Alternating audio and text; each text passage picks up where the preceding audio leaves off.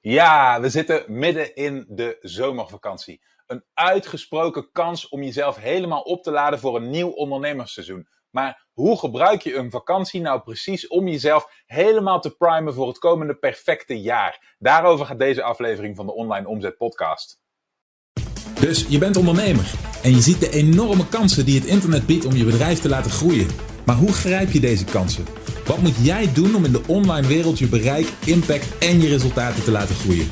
Mijn naam is Michiel Kremers en in deze podcast neem ik je mee achter de schermen in een modern, hardgroeiend online bedrijf en ontdek jij het antwoord op de vraag: hoe worden kleine ondernemers groot?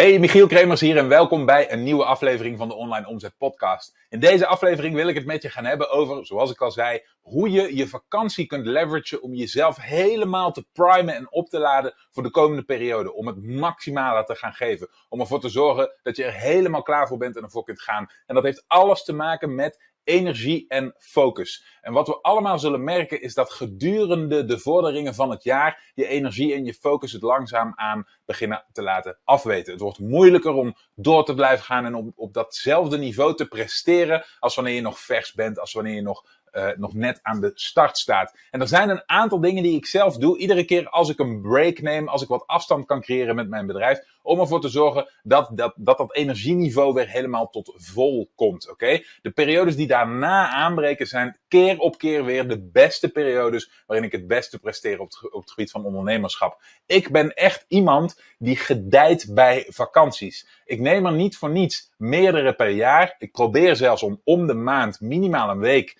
een echte vakantiebreak te nemen van minstens een week. En dat klinkt misschien als veel, maar als je kijkt naar wat daar tegenover staat in mate van productiviteit en focus, dan is het het in mijn ogen dubbel en dwars waard. En daarbij is het ook nog één van die grote voordelen van het hebben van je eigen internetbedrijf. Dat je dit soort beslissingen voor jezelf kunt nemen. Oké? Waar ik vandaag met je doorheen wil lopen is wat ik zelf doe in vakanties. Om ervoor te zorgen dat ik helemaal geprimed ben. Dat ik vol energie zit en dat ik er weer tegenaan kan. En wat jij zelf kunt doen. Een aantal simpele kleine dingetjes. Je ziet hierachter, ik heb een whiteboard vol voor je klaar.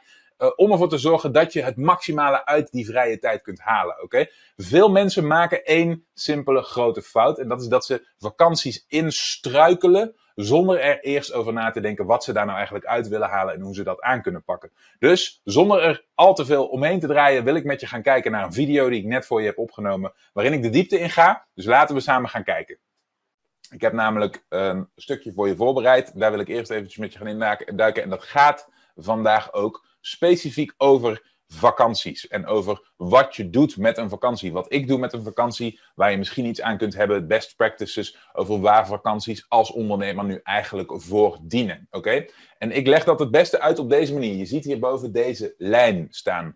En dit is misschien herkenbaar voor je als je ook bij de sessie bent geweest een tijdje geleden waar we het gehad hebben over meditatie. Oké? Nou, als je me wat langer kent dan vandaag, dan weet je dat ik allerminst ben van de zweverige, hippie-achtige theorieën van, uh, van een, een, hogere power raken en, uh, en dat soort dingen. Meditatie en, uh, en, en dat, dat type onderwerp, die gaan, als je het mij vraagt, altijd heel specifiek om hele fysieke, hele concrete dingen die je probeert te doen met je hersenen. Nou, wat bedoel ik daarmee? Op het moment dat je gedurende het jaar werkt, oké, dan word je geconfronteerd met prikkels. Dat zul je merken. Dat merk je onder andere aan dat je gedurende de dag dat dingen in je opkomen. Oké, dat je geconfronteerd wordt met, oh, ik had nog een afspraak. Oh, morgen moet er dit en dit en dit gebeuren. Oh, aan het einde van de week moet ik eigenlijk iets af hebben. Oh, ik heb dan en dan en dan een verantwoordelijkheid richting iemand of een bepaalde partij. Oh, ik heb een nieuwe klant waar ik iets voor moet doen. Oh, ik heb een gesprek. Oh, ik heb een. Nou ja, vul het maar in. De onderneming, het bedrijf, lanceert gedurende de dagen elke keer allerlei prikkels op jou af, alle, op jou af allerlei verantwoordelijkheden op jou af en allemaal dingen die opkomen in je hoofd. Oké? Hoe gestructureerder je als persoon bent, hoe beter je die prikkels in banen leidt. En dan bedoel ik mee uh, hoe gestructureerder je bent. Bijvoorbeeld in plaats van dat je die dingen los op je af laat komen, structureer je ze in een agenda. Maak je een weekplanning. Zorg je ervoor dat je van tevoren weet wat er op je af gaat komen. Zorg je dat je daar zelf de verantwoordelijkheid voor neemt en zorg je dat je dat in banen leidt. Oké? Maar zelfs voor de meest gestructureerde persoon geldt dat er gedurende de week, gedurende de maand, gedurende het jaar dingen op je afkomen die je niet had voorzien en die niet lopen zoals jij had gepland. Oké? Dat is waar je niet langer een vangnet hebt in de vorm van, van planningen, van structuren, van weekplanningen, van de dingen die jij zelf bouwt hè, in je bedrijf. En dat is waar je bent overgeleverd aan je eigen flexibiliteit. En die flexibiliteit die is per persoon verschillend, maar de meeste ondernemers zijn helemaal als ze goed zijn opgeladen, fris zijn en ervoor willen gaan, zijn heel flexibel. Oké, kunnen heel veel handelen. En dat betekent dat dat eerste prikje op je afkomt, hè, bijvoorbeeld een afspraak die je niet had voorzien, bijvoorbeeld iemand die iets verzet, bijvoorbeeld iets wat in je bedrijf niet gaat zoals je had voorzien, fout gaat, hè, ehm, de calamiteiten, problemen die je moet oplossen. Dat komt op je af. En dat gebeurt in een week, en dat gebeurt in twee weken, en dat gebeurt in een maand. Oké? En dat, dat, dat visualiseer ik op deze manier. Gedurende, het, het, gedurende de week, gedurende de maanden, gedurende de jaren, komen die dingen op je af. In de vorm van deze pieken. Oké? En hoe verder je komt, hoe meer je eigenlijk inlevert van je, uh, van je reserve. Oké? Hoe meer je opgerekt wordt en hoe, hoe dichter je in de buurt van je limiet komt. Oké? En op een gegeven moment dan zie je dat je op een punt bent gekomen dat al die pieken zorgen dat de rek eruit is. Oké, dat je het maximum bereikt. En dan ga je als mens, en al helemaal als ondernemer, ga je merken dat je, uh, dat je daar zwaar aan gaat tillen. Dan ga je merken dat je, uh, dat je minder energie hebt. Dat het moeilijker is om door te gaan. Dat het moeilijker is om jezelf te blijven motiveren. Oké, dat, het, dat het, het feit dat alles op jouw eigen schouders komt als ondernemer, dat dat zwaarder wordt. Oké, dat is het moment dat je weet dat er een, een oplaadmoment nodig is in de vorm van bijvoorbeeld een vakantie, ik zeg maar wat. Of een ontsnappingje, misschien een mini-break, misschien een, uh, een retreat. Het kan van alles zijn wat voor jou werkt, maar het betekent in alle gevallen in grote lijnen hetzelfde. Die grote lijnen, die heb ik hier neergezet en dit is een beetje mijn eigen take hierop. De eerste daarvan is fysieke afstand met jouw bedrijf, met het dagelijks rijden en zeilen van je bedrijf. Oké? Dus daarmee, de, nogmaals, een vakantie, weggaan naar een ander land, gaan naar het buitenland, gaan naar, op, op, reis gaan. Of je dat nu met de auto naar Frankrijk doet, of dat je nu in het vliegtuig stapt naar Australië. Het is, uh, het is belangrijk om die fysieke afstand te creëren. Dat is het eerste. Een change of scenery is ongelooflijk effectief bij het opnieuw opladen en opnieuw verzamelen van energie voor dit soort dingen. Dus die afstand, dat is de eerste. Oké? Daarmee zorg je dat er even een periode ontstaat waarbij die pieken niet aanwezig kunnen zijn. Er kunnen even geen onvoorziene dingen op je afkomen, geen prikkels, geen dingen die jouw energie kosten, die jouw rek eruit halen, hè? maar juist even zorgen dat er ruimte ontstaat.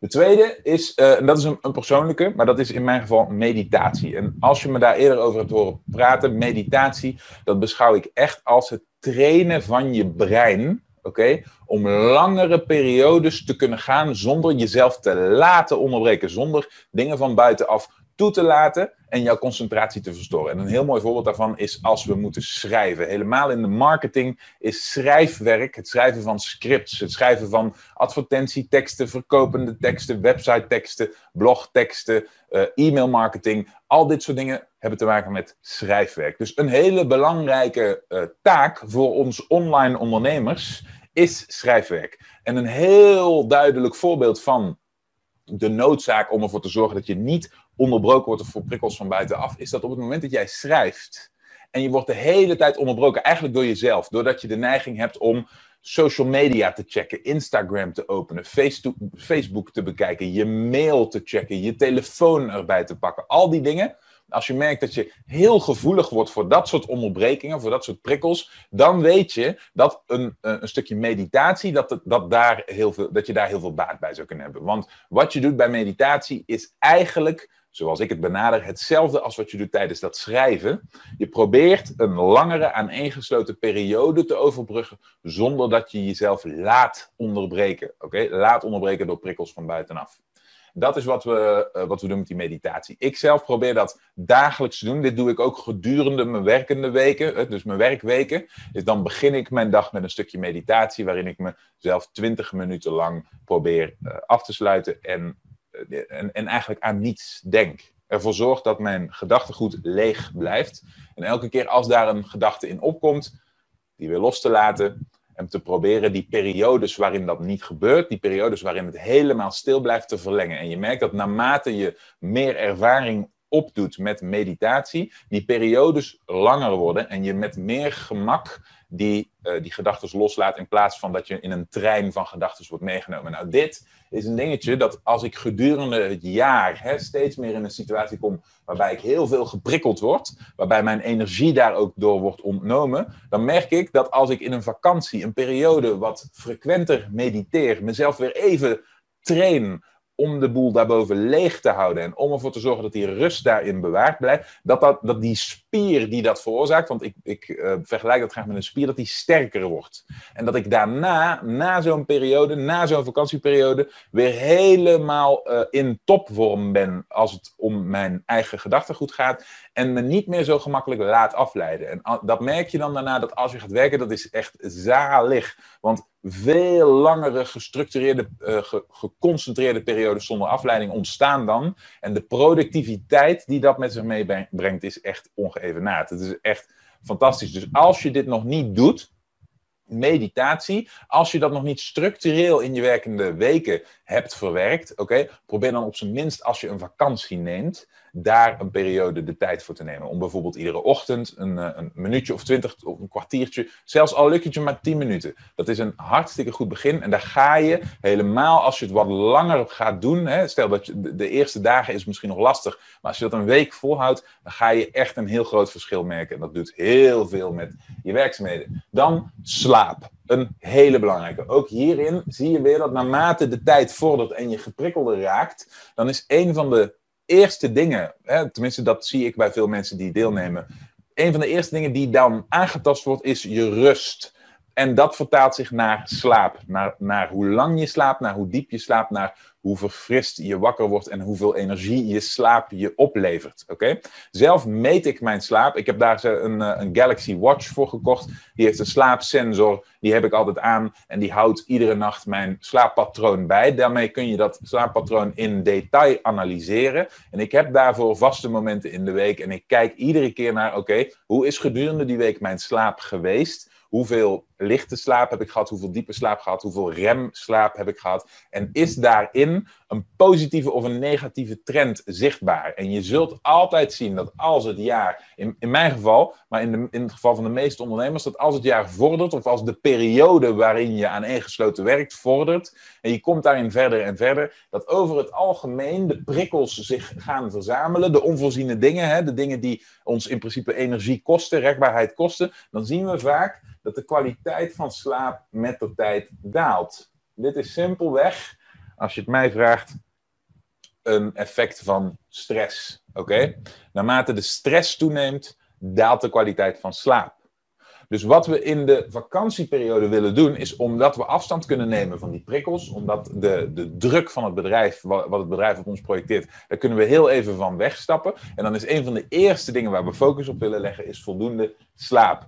Um, ik heb hier staan slaap en dag-nacht. Met dag-nacht bedoel ik het bewaken van je natuurlijke dag-nacht-ritme onder invloed van natuurlijk licht. Dit is nog iets wat ik in vakanties probeer te doen. Mijzelf zoveel mogelijk laten leiden door natuurlijk licht. Dat betekent dat ik in vakanties over het algemeen probeer op te staan rond de tijd dat het volledig licht is geworden buiten. En dat ik over het algemeen probeer naar bed te gaan, niet al te lang nadat het volledig donker is geworden buiten. En dan zie je, dat is, dat, dat, dan zie je hoe krachtig dat circadiaanse ritme van de mens is. Dan zie je hoe gemakkelijk je je daaraan meet. En dat is wel uh, per uh, tijdzone een beetje verschillend. Dus hoe, hoe dichter je bij de evenaar komt, hoe langer de, de nachten zijn. Hè? Dan gaat om, rond 6 uur gaat de zon daaronder en rond 6 uur komt hij alweer op. En dan is een, een, een nacht gewoon 12 uur lang. Dus 12 uur lang slapen is misschien wat overdreven. Maar je ziet dat je dan met veel meer gemak langere nachten gaat maken. In de zomer in het noorden